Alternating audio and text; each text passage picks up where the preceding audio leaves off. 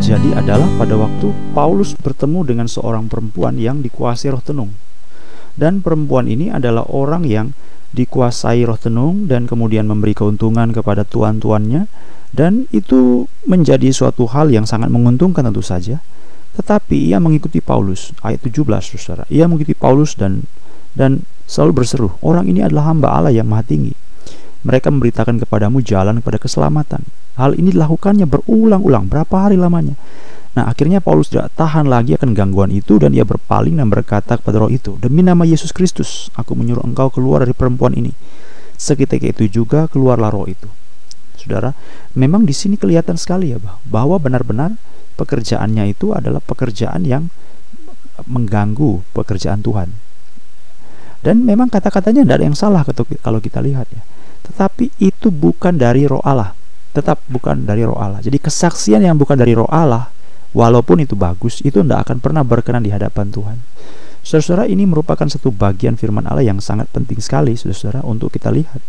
Karena apa? Karena Tuhan sendiri menyatakan bahwa kesaksiannya itu adalah suatu kesaksian yang harus dari Allah sendiri, bukan kesaksian dari manusia, saudara-saudara. Bukan kesaksian dari manusia, tetapi harus kesaksian dari Allah sendiri. Jadi pada waktu ini orang yang dikuasai roh setan ini mulai berbicara, itu yang dia sampaikan itu bukan sesuatu hal yang buruk sebenarnya. Memang betul kan bahwa mereka memberitakan keselamatan. Iya, benar. Mereka memberikan keselamatan. Tapi kenapa? Kenapa dia itu justru di, di, disuruh diam, diusir setan dari tubuhnya sehingga dia tidak bisa lagi memiliki kemampuan untuk berbicara seperti itu. Kenapa?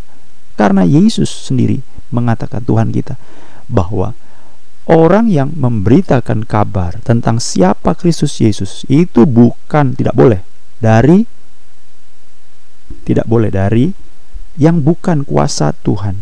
Ya, saudara-saudara, tidak boleh. Harus dari kuasa Tuhan sendiri.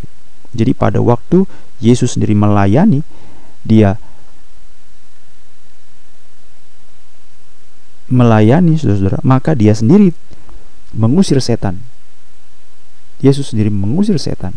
Dan pada waktu Yesus mengusir setan, maka Yesus sendiri tidak membiarkan setan-setan itu berbicara bahwa dia adalah Mesias, juru selamat. Ya, betul. Jadi saudara-saudara dikasih Tuhan demikian yang terjadi dengan murid-murid ini, saudara-saudara. Bahwa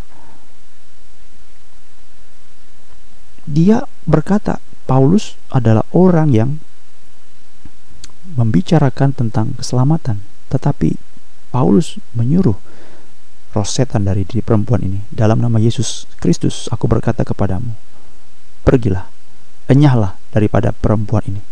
Kenapa? Karena dia tidak berasal dari roh Allah. Saudara-saudara dikasih Tuhan kita bisa melihat betapa pengaturan-pengaturan Allah begitu indah dan ajaib sekali dalam bagian ini dan kita bersyukur kepada Tuhan untuk waktu-waktu yang diberikannya kepada kita dan bagaimana Tuhan mulai membicarakan, mengkabarkan Injil dengan sangat pengaturan yang indah.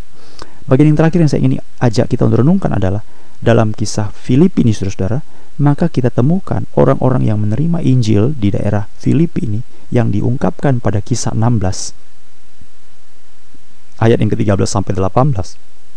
Semuanya itu adalah perempuan-perempuan. Masih ingat ya? Jadi pertama-tama kali Paulus sampai di kota itu, sampai menyusuri sungai.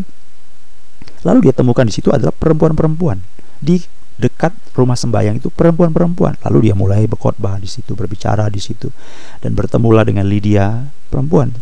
Kemudian pada waktu kita baca dari ayat yang ke-16 dan seterusnya sampai 18 ada seorang roh tenung yang menguasai seorang perempuan. Dan kalau kita baca misalnya dalam Filipi pasal 4 ayat 2 dan Filipi pasal 4 ayat yang ketiga, kita bertemu ini surat kepada jemaat di Filipi, kita bertemu dengan orang yang bernama Eudio dan Sintike, Saudara.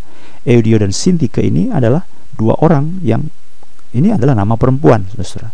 Dan Paulus mengatakan dalam Filipi pasal 4 yang ketiga, aku mengatakan sebagai teman sekerja kepadamu, bantulah perempuan-perempuan ini yang bekerja bersama-sama dengan aku untuk Injil Clement juga bantulah mereka adalah orang sekerja rekan sekerja yang nama mereka tertulis dalam kitab kehidupan Filipi 4:3 jadi memang di Filipi itu kenapa banyak ya perempuan-perempuan menjadi orang-orang yang terkemuka dalam jemaat kekristenan dari gereja Tuhan ya. Kenapa ini? Semua itu perempuan-perempuan. Nah, jangan lupa ini adalah bagian pengaturan Allah kembali lagi. Jadi Paulus sampai ke Filipi itu pengaturan Allah. Tidak bisa masuk Asia Minor sebelah kiri sebelah kanan. Asia daratan tidak bisa masuk. Bitinia di atas tidak bisa masuk. Tapi utara sebelah barat dia harus pergi dari jalan yang sempit. Itu pengaturan Tuhan untuk bisa sampai ke Makedonia dari Troas. Lalu di sana pun saudara di tengah-tengah kesulitan kepayahan dia dalam keadaan sakit. Itu semua pengaturan Tuhan sampai dia ada di daerah Filipi dia bertemu dengan perempuan-perempuan ini itu pengaturan Tuhan. Sampai seisi rumah perempuan itu namanya Lydia itu boleh diselamatkan. Itu pengaturan Tuhan. Tuhan membuka hatinya bahkan seisi rumahnya dibaptis bukan cuma Lydia. Itu pengaturan Tuhan. Bertemu dengan seorang perempuan yang namanya ini dikerasuk oleh roh tenung itu. Itu semua pengaturan Tuhan. Kenapa semua perempuan-perempuan ini? Karena kembali lagi pengaturan Tuhan.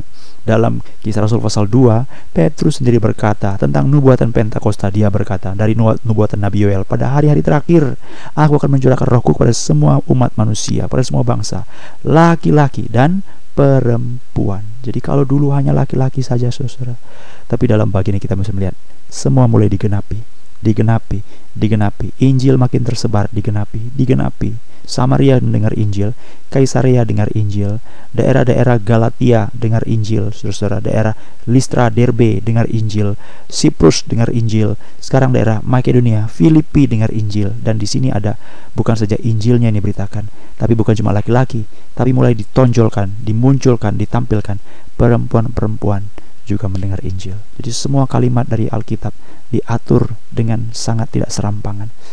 Biarlah Tuhan terus tolong dan pimpin kita.